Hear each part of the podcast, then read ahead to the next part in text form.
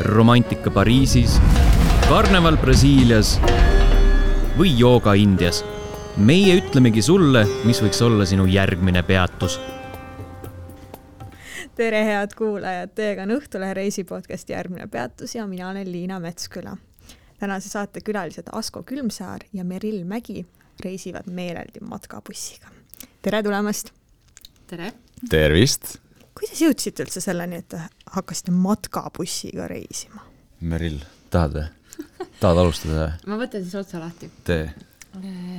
aasta aega tagasi äh, mina olin äh, rase ja me teadsime, et me oleme hästi liikuva elustiiliga ja suvel oleks nii äge teha igasugu pulmasid ja muid sündmusi matkabussis, sest et siis me saame ju oma last igale poole kaasa võtta. naiivselt mõtlesime me niimoodi siis äh, ja kuidagi sai Saskole see mõte pähe istutatud, et äh, me peame matkabussi ostma ja korraks vaatasime ka, et mis need hinnad on ja need olid nagu üüratult äh, kallid, et noh, me vaatasime kohe, et okei okay,, see vist läheb ära ikka. aga siis Asko? siis, siis oli niimoodi, et ma sõitsin Harjumaa liinide bussidega, sõitsin Viinistule, just seal, kus me elame, sõitsin linnast koju ja scroll isin telefonis ja mõtlesin, et oh, ma vaatan korraks sinna auto kahtekümmet nelja, et mis see, mis seal pakutakse.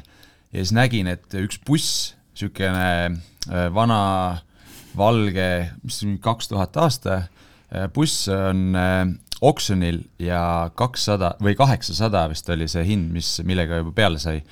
siis ma mõtlesin, no davai, davai, ma lähen sinna sisse, vaatan, mis saab ja panin sinna, siis läksin, kõndisin koju, ütlesin Merillile, et kuule, et äh, juhtus niisugune asi, et ma praegu olen oksjonil äh, enampakkuja, et äh, võib juhtuda, et meil on tänase õhtu lõpuks, sest et oksjoni lõpuni ei, ei, siis ei ah. olnud veel, siis oli nädal aega veel tegelikult oksjonit ah, ja, aega ja, ja, ja. ja siis kuidagi, mina tulin linnast või kuskilt tulin koju ja mina olin just mõelnud, et kuule, mis sellest bussist või mis sellest oksjonist sai, on ju.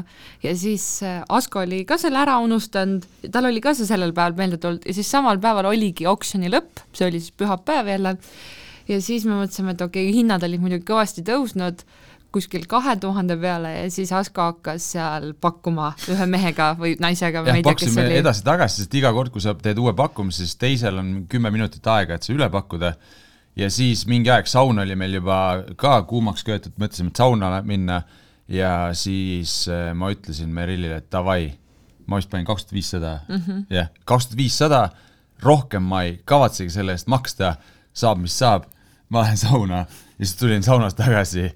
Merill ütles, kuule, sulle tuli mingi sõnum, et kuule, vist on vist on asi, asi tehtud. me ostsime põhimõtteliselt, ma polnud kunagi seda vaatamas käinud. ainult pilte näinud. ainult piltide pealt ma ei teadnud, kas see käimagi üldse läheb e,. ostsime põrsakotis ja, ja siis, siis põhimõtteliselt kakskümmend neli tundi on aega, et see nagu raha ära maksta ja siis autoga kuskile sõita, kui see sõidab. ja siis ongi järgmine päev vist läksime, võtsime ära, mingi talvine ilm oli, bussil pole nagu normaalseid neid e, e, talverehve polnud ka.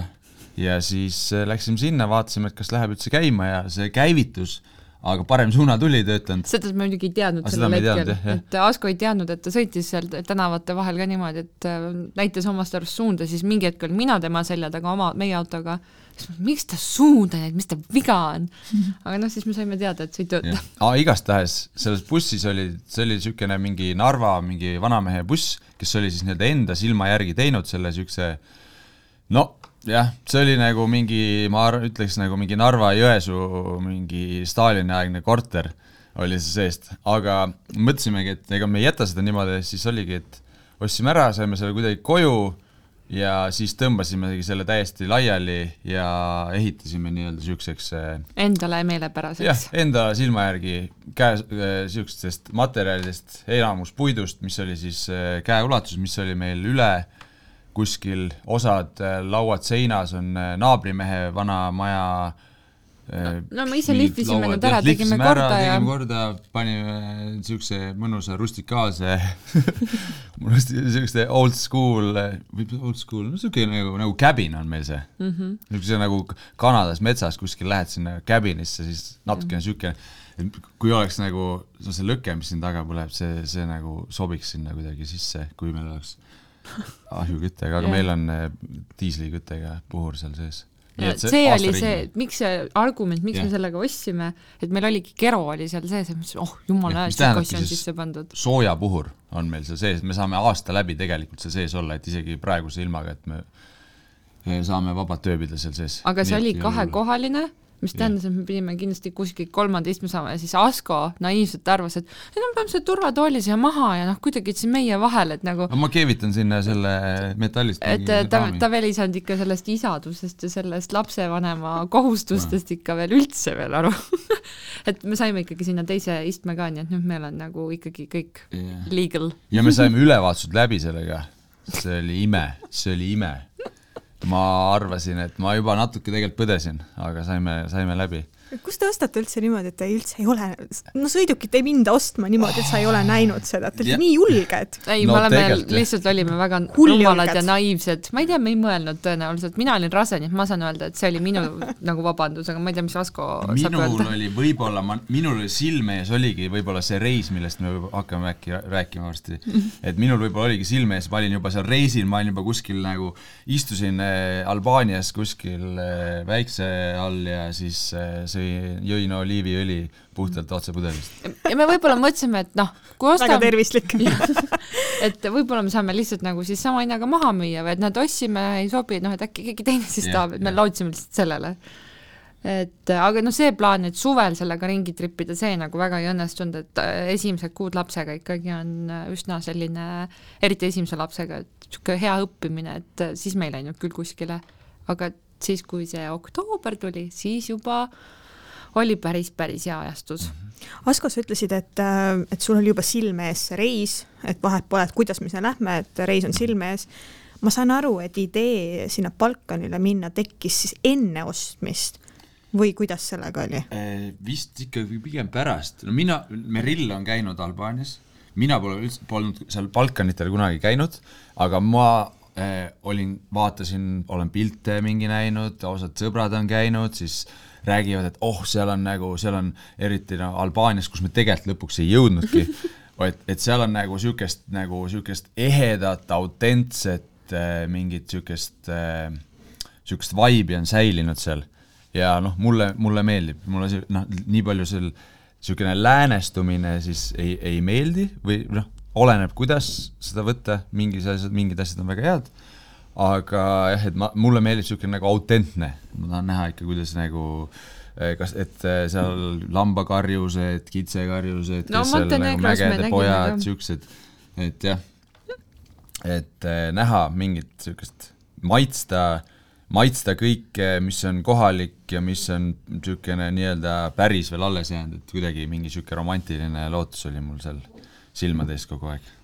Merill, enne kui ma ära unustan, sa täitsa alguses ütlesid äh, midagi naiivselt mõtlemise kohta, et kas vist seda, et et äh, arvasid naiivselt, et äh, lapsega saab igale poole minna või oli mingi taoline lause, mul jäi see kõrvu, mis see see oligi pigem just see, et me mõtlesime suvel vaata reisida lapsega, aga mina, vähemalt mina olin nagu mõelnud, sest me teeme laagreid, me oleme pulmavanemad ja siis tundus lihtsalt, et oh, nii tore, et sõidame bussiga ringi, laps on ka, saab seal magada ja kõik asjad, sest muidu me oleme eelnevatel suvedel sõitnud oma Audiga ja siis me oleme kahekesti autos maganud Jah. aga see ei tundunud reaalne, et lapsega koos magame autos, et või noh, niisuguses väikses mis seal ikka panete sinna istme vahele, vaata. jah, täpselt. no ütleme, meil oli seal autos juba kahekesi kitsas, et siis kolmekesti oleks ikka väga kitsas olnud, aga no ütleme niimoodi, minu jaoks esimesed äh, kolm kuud või no ütleme, esimesed kaks kuud Ruuga oli ikka päris nagu pingeline, et ma nagu olin ise võib-olla veel veits ärevil ja sihuke ei saanud nagu temaga selle õigele rütmile veel, et need, need magamistega oli meil keeruline kõik asjad, et siis oligi, et jaanipäeval ka, Truu sündis üheksateist mai ja jaanipäeva me jätsime ka, et sõbrad, sõbrad teadsid, et me tuleme mingile nendega koos sinna lõbutsema, hängima, meil oli mingi koht kinni ja pandud. tuleme bussiga veel ja, ja siis ma sama päeva hommikul ütlesin, et mina ei tule kuskile, mina jään Ruuga koju, et noh, nii nagu nii raske oli see algus, kohanemine, et siis äh, et see oli nagu selles suhtes naiivne, aga see, et kui Askol tuli see mõte, et me lähme reisile, siis äh, see oli nagu hea mõte, et see nagu, see siis tundus juba, et ta hakkab nagu lootust andma, kui Ruu sai suuremaks, et esialgu talle see autosõit pigem ei meeldinud, et me naersime ka, et ta- tahame autoga sõitma minna, laps karjub autos. jah, minu arust see, kui me läksime, see oli nagu suht ideaalne aeg just äh, lapsega minekul, see vanus oli täpselt Jah., Ruu oli neljakuune, kui me läksime. jah. miks see ideaalne aeg just on? sest et ta on juba nagu niisugune, ta hoiab juba pead, ta nagu Ta saab juba asjadest aru. saab asjadest aru, aga, aga ta magab palju veel ja,. magab palju, mis tähendab, et saab nagu ringi liikuda ja, ja ta ei söö, noh, ta ei liigu. ei liigu nagu selles suhtes, et ta ei pane sulle jooksu niisama kuskil, kui paned ta maha, siis noh, nüüd on juba niimoodi, et kui ta meil praegu kaasas oleks, siis ta oleks seal noh, ta oleks siin igal pool, me peaks järgi jooksma, meil peaks olema need liikuvad mikrofonid küljes. jah, et äh, seal see neli ruutmeetrit, mis meil see pind oli, et see oli täpselt ideaalne talle sellele eal nagu käp-, noh, liig-, käputamiseks või milleks iganes siis. aga te niimoodi äh, näiteks lennukiga ei olegi temaga käinud, et teil ei ole seda võrdlusmomenti, et lennuki versus ma arvan, et see ei oleks hullu, sest et no lennukisõit, no oleneb muidugi, kuhu sa lendad, on ju, aga paar, paaritunnine lennusõit nagu arvan, ei ole. oleks hullu ja no selles lennukis on ikkagi see, et sa saad temaga kogu, mõlemad saame tegeleda ikkagi. no aga kuidas siis on, et äh, kas äh, matkabussis on lapsega hea reisida ja miks? mis teeb selle heaks no või halvaks? no selles me saame öelda ainult seda hetke, mis meie olime, olime siis Ruu neljas, viies ja kuuendaks kuuks me juba olime tagasi, et mm -hmm. selles suhtes oli mõnus, et sa saad ise valida, kus ja millal sa peatud, mismoodi sa nagu oma reisi planeerid, et kui oleks võib-olla meil mingid hotellid kinni pandud, siis sa pead ju väga palju mingi ajast kinni hoidma, või noh, selles suhtes sa pead hullult nagu vaatama, et tema uneaegasid ja söögiaegasid ja kõike, et et sa jõuaksid sinna hotelli, et meil oli niimoodi, et ahah, nii, Ruu enam ei viitsi autos olla, hakkame vaatama, kuhu me peatuse teeme. Et kus me täna öösel ööbime. jah, ja sellest äh, ajast, kui mõtlesime, et hakkame peatuse tegema, oli mingi noh, maks umbes nelikümmend mintse või mm. -hmm. selle ajaga pidime olema kuskil juba paigas ja lukus kõik mm.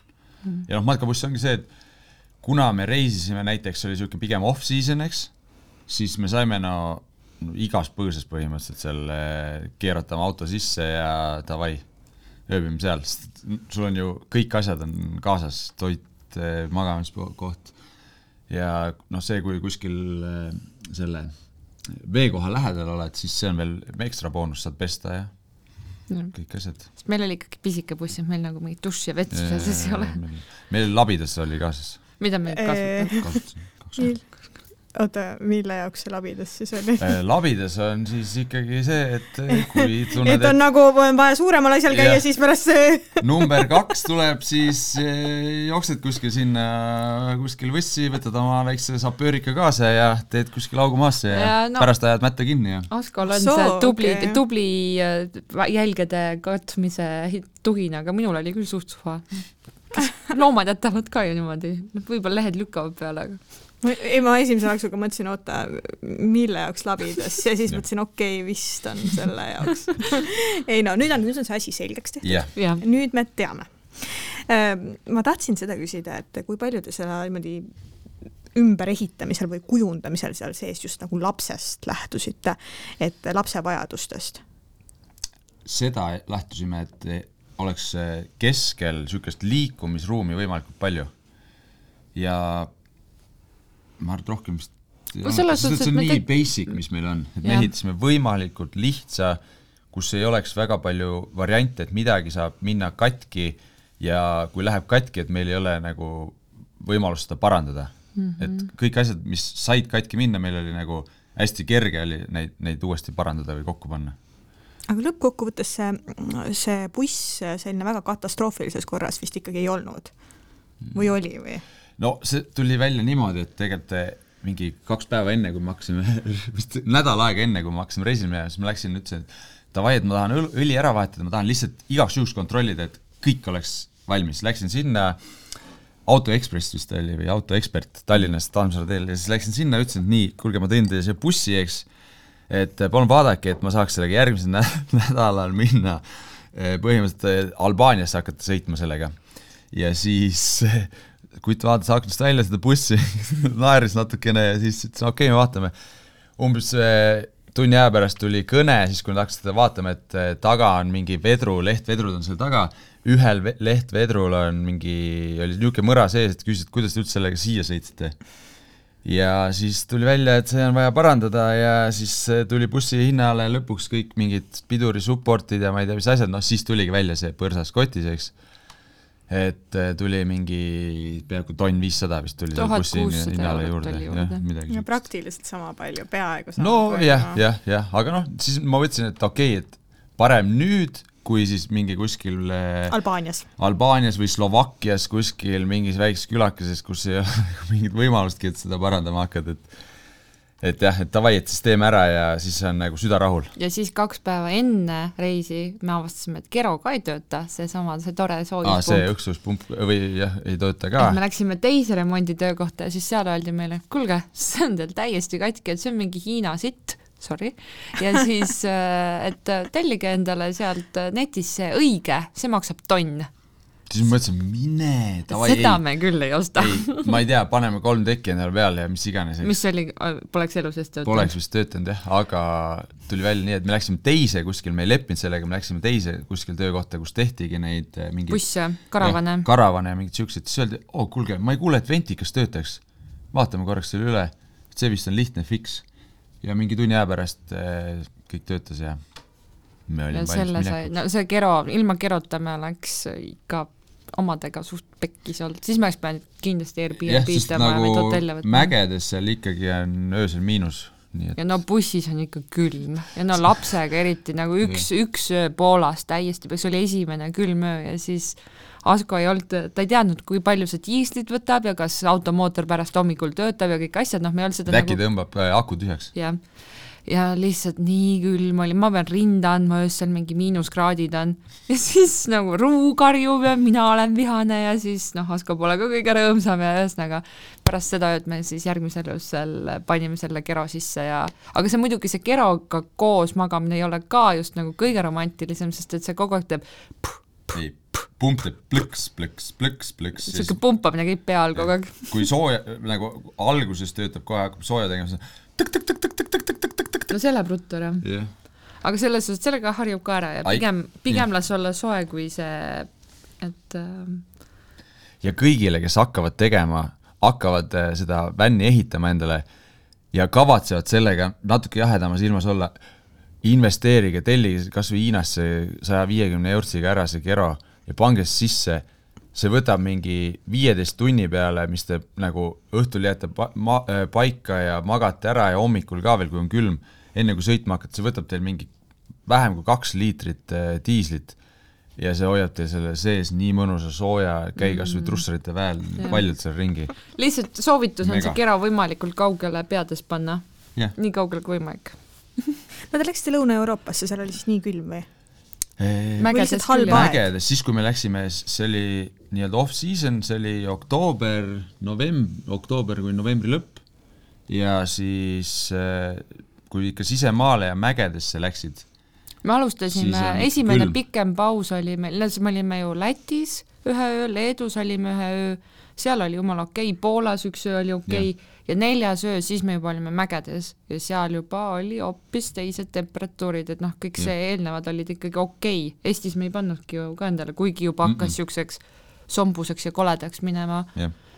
et äh, seal ikkagi olid miinused, aga me tahtsime kindlasti mägedes ka hästi palju, nii palju käia kui võimalik ja siis me olimegi Poolas, me olime kaks ööd ja, ja siis äh, Sakopanias, Sakopanias ja seal me, meil oli niisugune äpp äh, Park for Night, see ongi karavani autodele siis, et äh, sealt leiad nagu infot, et kus siis need head parkimiskohad nii-öelda on ja wildcampingud ja kõik siuksed asjad. ja seal oli siis üks äh, spa-hotell või see termihotell, kus kirjutati kohe, et kõik, kes tahavad, saavad seal selle hotelli parklas tasuta parkida, et nad on nagu jumala chill'id. seda üldiselt ei ole, kõik tahavad kohe hullu raha sult saada. Ja siis me läksime vaatama seda hotelli ja seal oligi fine ja siis noh, muidugi järgmisel päeval läksime sinna termi ujuma ka, et täiega Mhm. mõnus oli. see oli Poolas siis või? see oli Poolas jah Jah. kuidas te üldse valisite, mis riikidesse sinna Balkanil minna või see lihtsalt oligi niimoodi, et aa, et läheks homme Sloveeniasse näiteks? Meil oli ikkagi, eesmärk oli vist, no Sloveenia oli, oih, sorry, Sloveenia Jah. oli kindlasti meil nagu eesmärk, et sinna jõuda mm -hmm. ja siis mina hakkasin nagu ajama, et ka, et no tegelikult võiks ikka Kreekas ka ära tooks ikka sooja, sest noh, kogu aeg oli ikkagi noh, ei olnud nagu see suvi-suvi. mina ikka tahtsin nagu aina kaugemale, kaugemale minna ja Asko tahtis Albaaniat näha ja et selles suhtes me nagu me lootsime, et me näeme nagu seal Albaaniat ja Montenegrot ja sealt veel edasi, et need võib-olla Makedooniasse veel lähme sisse, et noh, mingid mõtted olid, aga kui sa sõidad, siis sa saad aru, et sul on ikka tervet aastat vaja, põhimõtteliselt no jah, et isegi ütleme seal, kui sa jõuad sinna mägedesse, kõik need mägiteed ja sa vaatad, et ongi, et ah, ainult mingi, ainult saja kilomeetri kaugusel on kõik, on see mingi asi. ja siis hakkad sõitma ja kolm tundi hiljemalt ikka pole kohale jõudnud ja mingeid väikseid teid mööda kolistad seal. aga jah, mina tahtsin Sloveeniasse minna, mägedesse mm, -hmm. see oli kindel ja siis äh, Albaaniasse jõuda, rohkem nagu mul sellist suhtes nagu oli suht nagu vahet ei olnud, kus me lähme mm. -hmm. aga mulle tundus, et see, see spontaansus või et meil ei olnud niisugust äh, nagu kindlat plaani, mida me peame täie hingega läbi suruma, et see kuidagi andis nagu sellise vabadustunde, et nagu vau wow, ma võin minna mingi, ma ärkan siin kuskil mägedes, õhtul ronime või päeval ronid mägedesse, tuled õhtul alla, ööbid sealsamas kohe, sa, sa ei pea mingit Airbnb-d, mingit booking ut otsima, magad sealsamas kohe seal mäe all, hommikul ärkad üles, mingi noh, ei ole veel plaane, vaatad, ma ei tea, vaatad telefonist midagi, mis siin läheduses on mm. või siis vaat-, oo, aga äkki sõidame praamiga üle Vahemere ja lähme üldse Itaaliasse, no et seal Jah, niisugused nagu- mõtted nagu käisid, et see on nagu nii äge, et sa võid nagu mida iganes teha. kõik on nagu, kõik on, võimalused on ja avatud. ja kõik need inimesed, kes me nägime ka karavaniga, kes sõidavad, et kes meile nagu teel siis vastu tulid, et kõigist õhkas minu arust seda vabadust välja, et see oli kuidagi mm. nii äge, et sa nagu vaatasid, nad on nagu nii vabad ja nii õnnelikud ja nii rahul. aga see oli esimene kord, kui te niiviisi reisisite või noh, et ma saan aru, et okei okay,, matkabussidel enne ei olnud, aga näiteks autoga niimoodi, et äh, sõidate kuhugile ja et äh, võin minna sinna, sinna, kolmandasse kohta. ei ole käinud. Austraalias natukene reisisime jaa, niimoodi. jah, Austraalias küll jah Jah. mm. -hmm. aga no see oli veits niisugune rohkem koroonaaeg, et siis nii palju vabadust ei olnud, siis oli niisugune. See kõige algu-, esimene pandeemia, et siis ei teadnud keegi, mis toimub ka ja siis isegi natuke kartsime seda värki. ei no see oli jah, see oli taht-, täpselt siis, kui Austraalias mõtlesime, et nüüd enam tööd ei tee, nüüd hakkame nüüd puhkama, reisime ja siis mingi hakkasime kõik reisima. piirid kinni. täpselt samal päeval teati, et kõik ri- piirid, kõik asjad lähevad kinni ja no okei okay,, see oli niimoodi, aga jah. No see on mitu Midagi korda, mitu korda on jutus läbi kumanud mägedesse minek, et see oli hästi tähtis, no mis teema teil nende mägedega on, et et kas hing ihkab sinna või, või miks te sinna kipute just nii väga? mina, ma ei, ma ei tea, mis Askole meeldivad lihtsalt mäed. minu Või- arust nendel mägedel on mingisugune niisugune tõmbevõime või mingi niisugune energia, et kui sa näed seda tippu, siis mõtled, et see on täitsa tehtav, et davai, proovime. ja see, see, kui sa hakkad sinna minema ja kui raske see tegelikult vahepeal on, kui sul läheb ikka mingi niisugune püstloodis. püstloodis ülesse sealt eh, rihid, kõik eh, seljakott on märgs, kõik, mis seljakotis on, see on higistatud läbi ja, ja kui sa jõuad sinna tippu, mis mingi niisugune, kui, ja sa näed põhimõtteliselt niisugune tunne, et nagu ma olen maailma tipus. kuigi noh, tegelikult sa oled mingi väikse küke otsas kuskil seal, aga no ikkagi, ikkagi ma ei, see, see on mingi kirjeldamatu võlu, miks, miks nagu isegi kui jalad on valusad, mõtlesin, vahepeal panime seal ikka päris hullu Mitu päeva, jah. mitu päeva järjest erinevates mägedes niimoodi, et Ruu eh,, siis meie laps oli meil selle kandekotiga ju Mm -hmm. no enamus ajast oli ta Asko vedas, et mingi ühel lihtsamal mäel võtsin Jah. mina ta ülesse Jah. Aga üldiselt oli see ikka Asko, Asko töö ruut vedada, sest Jah. ma ennast ei usaldanud, et noh, ongi kiviklibu, kõik need asjad, et mingite mägedega oli see ka, et me läksime üles ja ma samal ajal küsin, kuidas me siit alla tuleme, et nagu kuidas me niimoodi alla tuleme, et ruuga kõik korras on, et jumala hirmus oli. aga iga kord, kui alla hakkasime tulema, siis tegelikult polnud midagi hullu Mhm. aga jah, see kuidagi tõesti see pingutus ja see, see väärt, see tulemus, mis sa seal üleval näed, see õhk ja kõik see, et see on nagu, see on nii äge. Et ülikahju on see, et me tegelikult tahtsime teha ka nagu ühte päikesetõusumatka, ja meil tegelikult oli see võimalus olemas, aga me ise nagu ei hammustanud läbi, et see oligi meie nagu see viimane võimalus Montenegros aa jah, jah. see oli, me sõitsime ühe suusanõlva alla ööbima mm. -hmm. ja tšillisime seal ja siis üks paarike tuli sealt mäest, ai, me käisime, me jooksime, jooksime sellest mäest üles, tegime Askoga nalja, et davai, et sina jooksed mingi, jookseme kuuenda postini, mis on mm, -hmm. on need suusa, need torn, torn, tõstuki tõstuki postid need postid ja ja nagu noh, vaatad sealt alt, et see kuues post on nagu siinsamas ju. ja siis mina hakkasin minema ja ma olen teise posti juures, mul oli juba kops jumala koos ja ja siis noh, ma jõudsin vist kolmanda postini ja siis ma tulin sealt tagasi ja siis Asko oli, mis asja, miks sa ei läinud kuuenda postini ja siis läks proovis ja tal oli samamoodi kops jumala koos. aga igatahes seal üleval, selle kuuenda või kolmanda posti juures juba oli see vaade nii vägev Jah. ja siis tuli üks ähm,, kus nad olid äh, Bukare-, ei. Serbiast. Serbiast ei olnud, ühesõnaga üks paarike tuli, hästi toredad äh, inimesed ja siis ma küsin, kust te tulete? aga me käisime seal üleval, siis ma mingi, kaua aega läks? ja siis nad ütlesid, ah no poolteist tundi, siis ma mingi davai, hommikul lähme. Et no kohe oli FOMO, et me peame ikka sinna mäkke minema, seal Montenegros oli kõik väga kaootiline, kunagi ei teadnud, mis nagu seal, kas meil õnnestub kuskile mm -hmm. minna või mitte, et kas me saame nagu oma ägeda päeva täidetud ja siis no oli- mägedes seal muutub ilm ikka ka päris ja, ja kiiresti siis, kuna see paarik ütles, et see oli nii lihtne ja noh, Ruuga vaata igale poole ei lähe, et siis nad ütlesid, vaade oli ka nii võimas, me mingi davai, me lähme siis sinna. ja no vot see oligi, et tegelikult sellel hommikul ma oleks võinud mingi viiest alustada, sest Ruu ärkas ka ülivara. aga me kuidagi nagu ei hammustanud läbi, et kui ma oleks viiest läinud, siis ma oleks täpselt päiksetõusuks sinna üles jõudnud ja ma arvan, et see oleks epic olnud, aga no me nägime lihtsalt päiksetõusu siis seal all aga oli siis nii lihtne, nagu need serblased rääkisid või? mm. -mm. meil võttis ülesminek mingi kaks tundi vist. no natuke rohkem, selles suhtes, et ta oli nagu, mulle isiklikult tegelikult meeldivad sellised mäed, mis on nagu pigem nagu kohe pff, täiega ülesse no kus... sina ei kandnud last ju ka sul oli hea minna. jaa aga no ikkagi nagu ma, ma arvan, et Asko on ka on öelnud, et see sinka-vonka nagu lähed ja lähed ja lähed ja lähed ja üles ei jõua, aga tippu kogu aeg näed, et see oli nagu sihuke mm -hmm. tuh, kohe valmis ja tehtud. et no seal oli küll mingi viimane ots oli mingi kakskümmend mintsa oli sihuke täielik lahtine kiviklibu ja ülijärsk ülesminek, et veits võttis kõhedaks, aga ma arvan, mul, miks, miks mulle nagu mäed meeldivad, on see, et Eestis ei ole nagu sellist magnituuti ja see on kuidagi minu jaoks nii, nii huvitav ja nii kuidagi kutsuv. et kui ma näen midagi, mis läheb otse üles, siis ma mõtlen, et davai, ma pean saama teada, kui kaugele ma näiteks jaksan joosta, enne kui mul kops kokku läheb.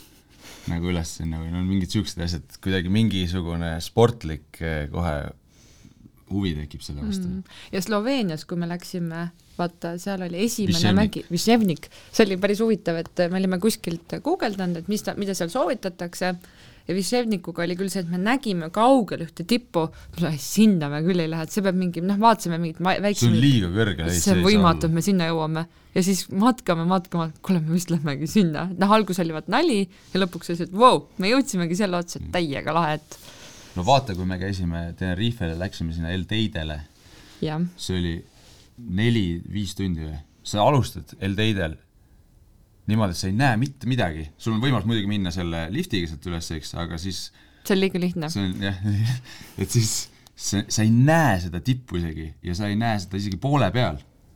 ja Mhm. sa muudkui aga rühid ja rühid ja rühid. no see oli mingi seitsmetunnine, aga seda Jah. Višjevnikut me põhimõtteliselt võrdlesime juba selle El-Teide ronimisega, et ja peaaegu sama raske. vaated lihtsalt sealt lõpus, see on nagu see, sul läheb meelest ära, kui raske see ülesronimine on, kui sa nagu jõuad sinna tippu.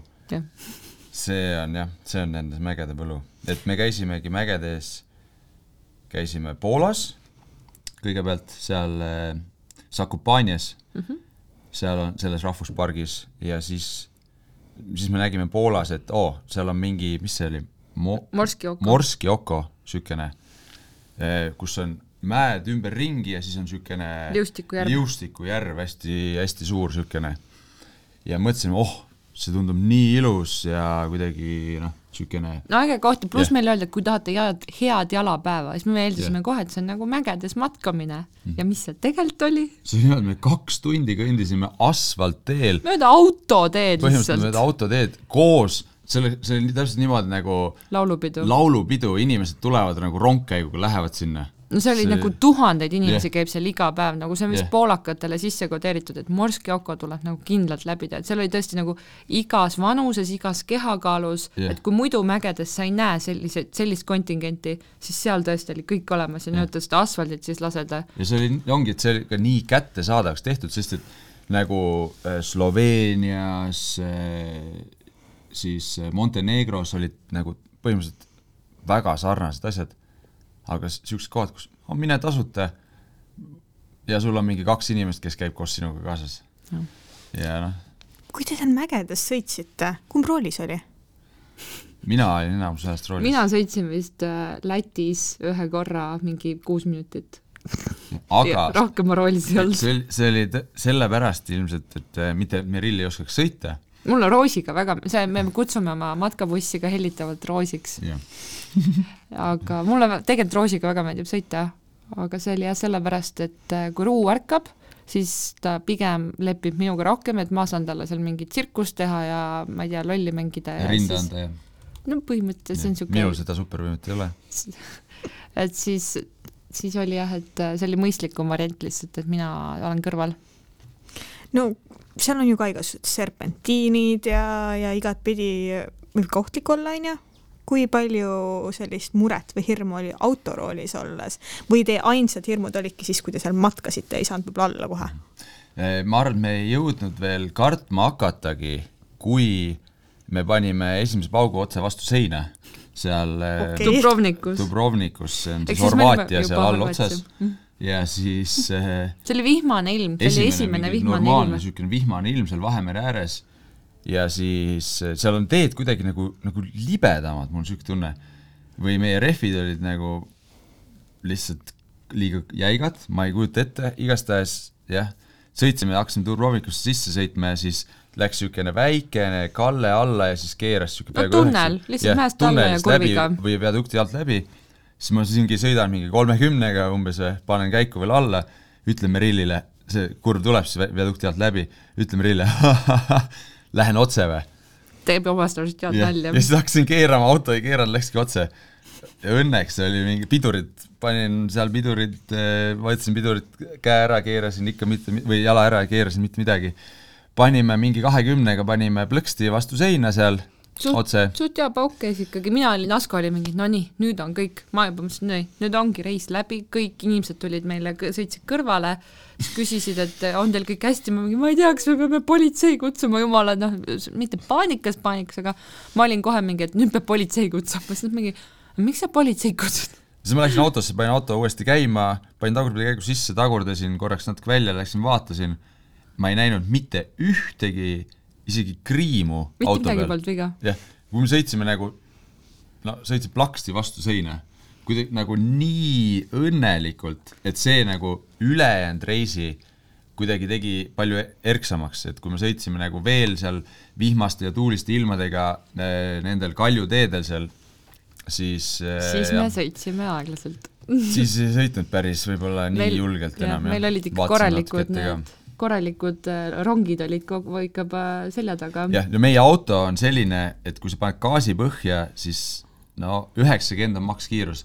et esimest korda elus rekkad sõitsid must mööda. see, see oli Asko, Asko egole väga valus, ta on niisugune veits rallimees oma hinges. ma arvan, et iga, iga Eesti mees on natuke ott. Rill, sa ütlesid tegelikult enne podcast'i, et äh, sa nimetasid ennast kanaemaks Mm -hmm. äh, kuidas sinul kui kanaemal oli äh,, oli sellises olukorras, et noh, tõesti sõidate vastu tunneli seina ja ja mingisugused sellised äh, võib-olla ohtlikud teed, tõsi, te sõidate aeglaselt, aga ikkagi, et mis oli sul selline muretunne, et äh, appikene, et võib-olla oleks pidanud kodus istuma ikka? ai, seda tunnet kindlasti ei olnud, et äh, võib-olla mis minu hirmud olid pigem see, et noh, meid vahepeal ikka meile öeldi ka, et oh, lapsega reisite, et nii ohtlik, et mina kartsin seda, et äkki keegi tuleb ja röövib ruu ära, et nagu mingi last, laste, ma ei tea, mis, mida nendega tehakse, aga lapsi ju aeg-ajalt röövitakse. ma kartsin seda, et äh, autosse me ruud niimoodi kunagi üksinda ei jätnud, et noh, Eestis aeg-ajalt ta ikka mul magab autos, aga seal noh, me niimoodi, et see beebimonitor on ju kogu aeg seal olemas. aga seal me tõesti ei julgenud seda teha ja et me olime ise alati olemas, et need olid nagu need põhihirmud, et äh, autoga sõitsin oligi, pärast seda Dubrovnikut me lihtsalt olime nii rahulikud ja nii vaikselt sõitsime, et äh, no just ohtlikes kohtades ma nägin ka tõesti, et Asko nagu võtab rahulikult, et siis see andis nagu turvatunde, et küll me hakkama saame no kuidas need teed üldse on, et mitte nüüd ainult mägedes, vaid üleüldiselt, et et on see, on Balkan hea koht, kuhu minna siis noh, kas matkaautoga või siis näiteks lihtsalt oma tavalise sõiduautoga trippima? jah, no Horvaatia on näiteks väga okei teed enamjaolt ja pluss sa saad ju valida, et kas sa võtad kiirtee või sa võtad selle mereäärse tee, et jah äh,, me kasutasime mõlemaid, oleneb mm. nagu tagasi tulles me ikkagi panime, mõtlesime, et okei okay,, kuidagi tagasi tulles see on, mul ema teeb ruule, et kuidas läheb koer karja, tööta, lööta, tööta, kuidas tuleb tagasi, sip-sip-sip-sip. umbes samamoodi oli meie, et siis kui me tundsime, et nii, nüüd keerame ringi, lähme koju tagasi, siis läksime sip-sip-sip mööda kiirteid, aga muidu nii kaua, kuni tuli ülikõrge arve, et muidu Jah. oli nagu kiirteedel meil noh, mingi viis-kuus eurot oli see, et noh, tavaliselt me pöörasime ikkagi ühel hetkel tagasi rannikule, et seal ööbida. Ja siis ükskord jumala lühike etapp oli ja viisteist euri või midagi siukest, mis asja nagu, et mille järgi nad seda hinda me panevad. keerame maha siit kiirteelt. ja siis me pärast seda olime mingi, nii nüüd me vahepeal sõidame rannikul, meil ei ole nii kiire. Kuidagi aga tundus seal on ka palju mõnusam, ma arvan, sõita, ilusad vaated ja, ja asjad. oleneb selles suhtes, et äh, mingi, kui, kui sa ikka pat-, sest et siis, kui me otsa ringi pöörasime, siis olid ainult vihmased ilmad. ja see paduvihmaga seal mere ääres, see, see veits ikka võttis kõhedaks vahepeal. kuidas äh, nende matkabusside majutusvõimalustega Balkanil on, et kas äh, on selline asi ka okei, et sa suvalises kohas peatud ja lihtsalt ööbid või, või keegi tuleb koputab aknale ja ütleb, et siin ei tohi? Eh, muidu vist oleks olnud, et me seal, sealt äpist vaatasime, et samamoodi, et seal inimesed kommenteerivad see Park for Night, et äh, nagu a la, et nad on näiteks jäänud niisuguses kohas pidama, kus ei ole tegelikult nagu, nagu siis ööbimiskoht ja on tuldud, näiteks politsei on tulnud, äratanud üles või Trahvi teinud. või, või siis keegi lihtsalt möödamineja on öelnud, et siin ei tohi parkida, sest et tegelikult neid, neid päris kämpe, kämpe, kämpimisparke on igal pool. Neid on nii palju. On lihtsalt, neid, neid on igal pool jah mm. -hmm. aga lihtsalt kuna Eestis vaata on RMK ja kõik see on nagu meil tasuta, siis eestlasele tundub see nii imelik, et sa maksad mingi kolmkümmend, nelikümmend eurot selle eest, et sa lihtsalt pargid oma auto, kui sul on kõik olemas, sa pead isegi, sa pead, sa pead sealt isegi välja minema, sul on see kõik mm. olemas, lihtsalt see, et ma pargin kuskile muruplatsile Jah. oma auto. no muidugi sa saad seal mingi vetsus käia ja neid asju, aga no me, me nagu leidsime igalt poolt endale ka need võimalused ülesse, aga näiteks mu sõbranna, kes elab Tšehhis, tal on Tšehhi mees, nemad käisid ka kunagi matkaautoga ja siis selle Tšehhi mehe jaoks oli nagu ülinormaalne, et nad alati igal öösel lähevad sinna parki, sest see on mingi kultuuride erinevus põhimõtteliselt mm., et kuidas keegi kasvanud või harjunud on. et lihtsalt me, võib-olla meie ei tea või no mina, ma pole nagu näinud või kuulnud nii palju, et Eestis oleks see, ütleme näiteks karavaniga kuskile sõitmine nagu mega suur niisugune, et, kogu aeg tehakse või, või, või mega, mega niisugune trend. et ma ei tea, meil on rohkem see, et lähed, võtad telgi ja lähed kuskile RMK rajale ja jah, aga kuna, aga sellele küsimusele vastates, et põhimõtteliselt kuna meil oli off-season, siis meil nagu õnnestus väga hästi sellega, et me mm. -hmm. tegime väga palju, mis siis on? Campingut. campingut, et kaks korda käisime meie kämp, kämpimiskohas. siis, kui Meril oli vaja juust, juukseid pesta. jah, ma pe- pesin reisi jooksul neli korda pead, kui pika reisi jooksul? kuus nädalat. ja naisterahvas naisterahva jaoks on see, ma kujutan ette, veidi ebamugav. no ütleme niimoodi, et ma pesen kord nädalas pead, sest et Aa, okay. juuksed ei lähe väga kiiresti mustaks, et ja kuna Asko on ka selline vald mees, siis teda ei häiri. No siis ei olnud isegi hullu ju tegelikult kui midagi. kuus nädalat ja neli korda, kui sa muidu nädalas korra pesid. jah, ja suva. Vahemeres ju, Vahemeres käid kogu aeg ujumas ja mingi aeg oli niimoodi, et me ööbisime reaalselt niisugustes kohtades, et äh, parkisime auto, ma ei tea, kümme meetrit Vahemerest. meil ikka vahepeal olid väga epic no, kohad. hommikul aga räägige, rääkige mingitest väga ägedatest kohtadest, kus te siis saite ööbida. Mis need epic-kohad olid? Horvaatias olid minu arust kõige niisugused epikumad kohad, seal Mhm. on niimoodi, et sa sõidad, kui sa nagu mööda kiirteed ei sõida, eks, sõidad mööda väikseid teid, siis seal on nagu igal pool on niisugused nagu sopikesed ja oma mingi väikeste randadega, et jällegi, ma saan rääkida põhimõtteliselt ainult omast kogemusest ja nii-öelda off-season'ist, et oligi noh, kas sul tuleb nagu mingi kindel no see, kui me seal tulime vaata kiirtelt maha ja siis seal oli nagu mitte, see oli nagu meresopp, me ei olnud päris mere ääres, kus me kaklesime ka natukene, et kus me jääme, veits oli tüli seal, mingi teema oli. aga lõpuks oli jumala lahe, vaata, kus me auto uksed lahti jätsime, oligi merevaade. nagu seda on raske kirjeldada niimoodi, et te peate meie Instat tulema vaatama, siis me pe- peame mingid pildid ülesse sinna, et meil on, me tegime suht palju story sid, ma üritan neid story sid väike reklaam ka enda Instale, et igaüks ei pruugi teada ju, kuhu Jah. minna vaatama. Asko ja Meril.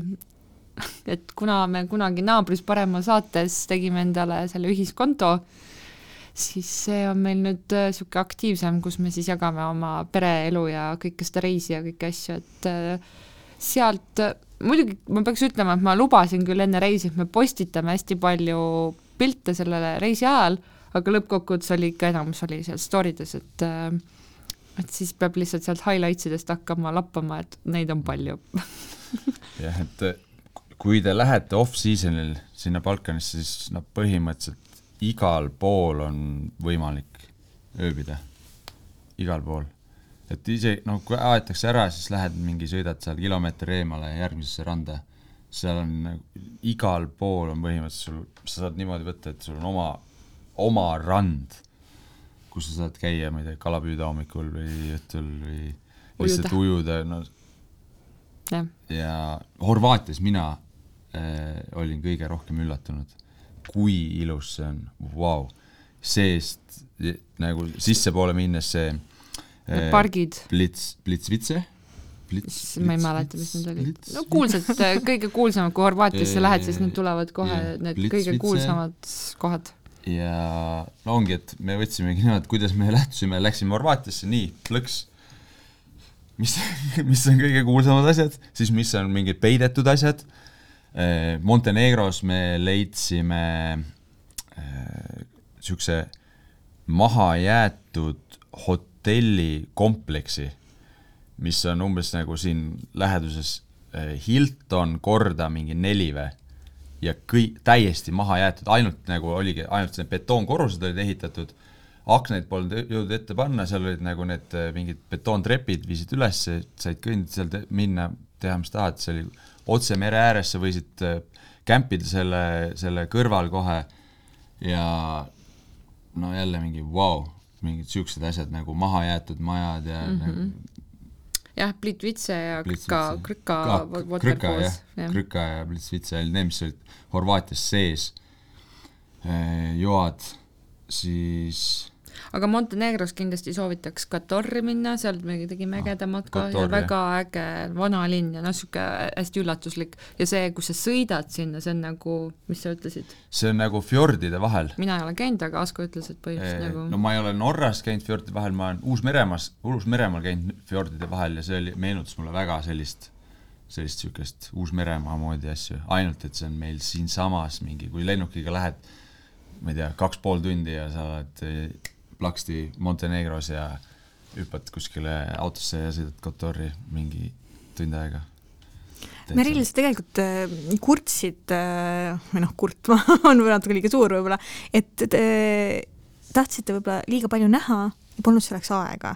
et, kas äh, teeks midagi teistmoodi või jätaks mingid asjad ära või jätaks pikema reisi või? no pikema kindlasti, ma ütlen lihtsalt, me ei oska puhata, see on meie suurim probleem, et äh, no ongi, et võib-olla kui oleks äh, seal Montenegros nüüd pikemalt olnud seda sooja ilma, et siis võib-olla olekski mingi nädal aega lihtsalt ühe koha peal olnud, teinud trenni lihtsalt rahulikult, päevitanud, mõnulenud, et meil oli kogu aeg iga päev nagu oli natuke, mis me täna teeme, kuhu me nüüd läheme, mis me nüüd teeme, et et sellega oli jah, et aga samas meil oli ainult kuus nädalat lõpuks see reis, et pluss sellest on väga palju ju sõitu, et, et noh, siis võib-olla nagu selle reisi puhul oli nagu hästi, et me ikkagi panime veits hullu ja tegelikult ju me ikkagi tegime mingeid siukseid päevi, kus oligi ilus ilm ja me olime ranna lähedal, siis me tegimegi pool päeva me olime ainult, ainult rannas. Ja no põhimõtteliselt siis, kui me Montenegros sealt külmast ja koledast sisemaalt välja tulime, mere äärde, siis me nägimegi ilmateadet, et neli päeva on päikest ja siis näitas ülipikalt vihma. noh, me siis veel ei teadnud,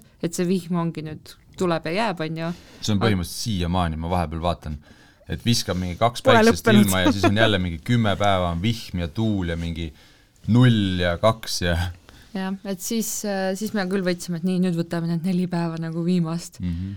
et täiega nautisime seda päikest, et me küll mõtlesime, et aa, et siis me äkki võtame Airbnb selleks vihmaseks nädalaks, et äh, teeme mingeid, mul oli kool just tulemas, mul on kord kuus siis kaks päeva on kooli ja Askol oli vaja mingeid asju teha, et noh, et chill ime natuke, aga siis, kui me nägime, et see vihm nagu kümme päeva ikka näitab vihma, siis mõtlesin, et kuule, hakkame tagasi minema, et Ruu jäi ka haigeks ja mul oli mingi nohuteema, et siis, siis see otsus tuli tegelikult hästi nagu Orgaaniliselt. ootamatult tegelikult ka.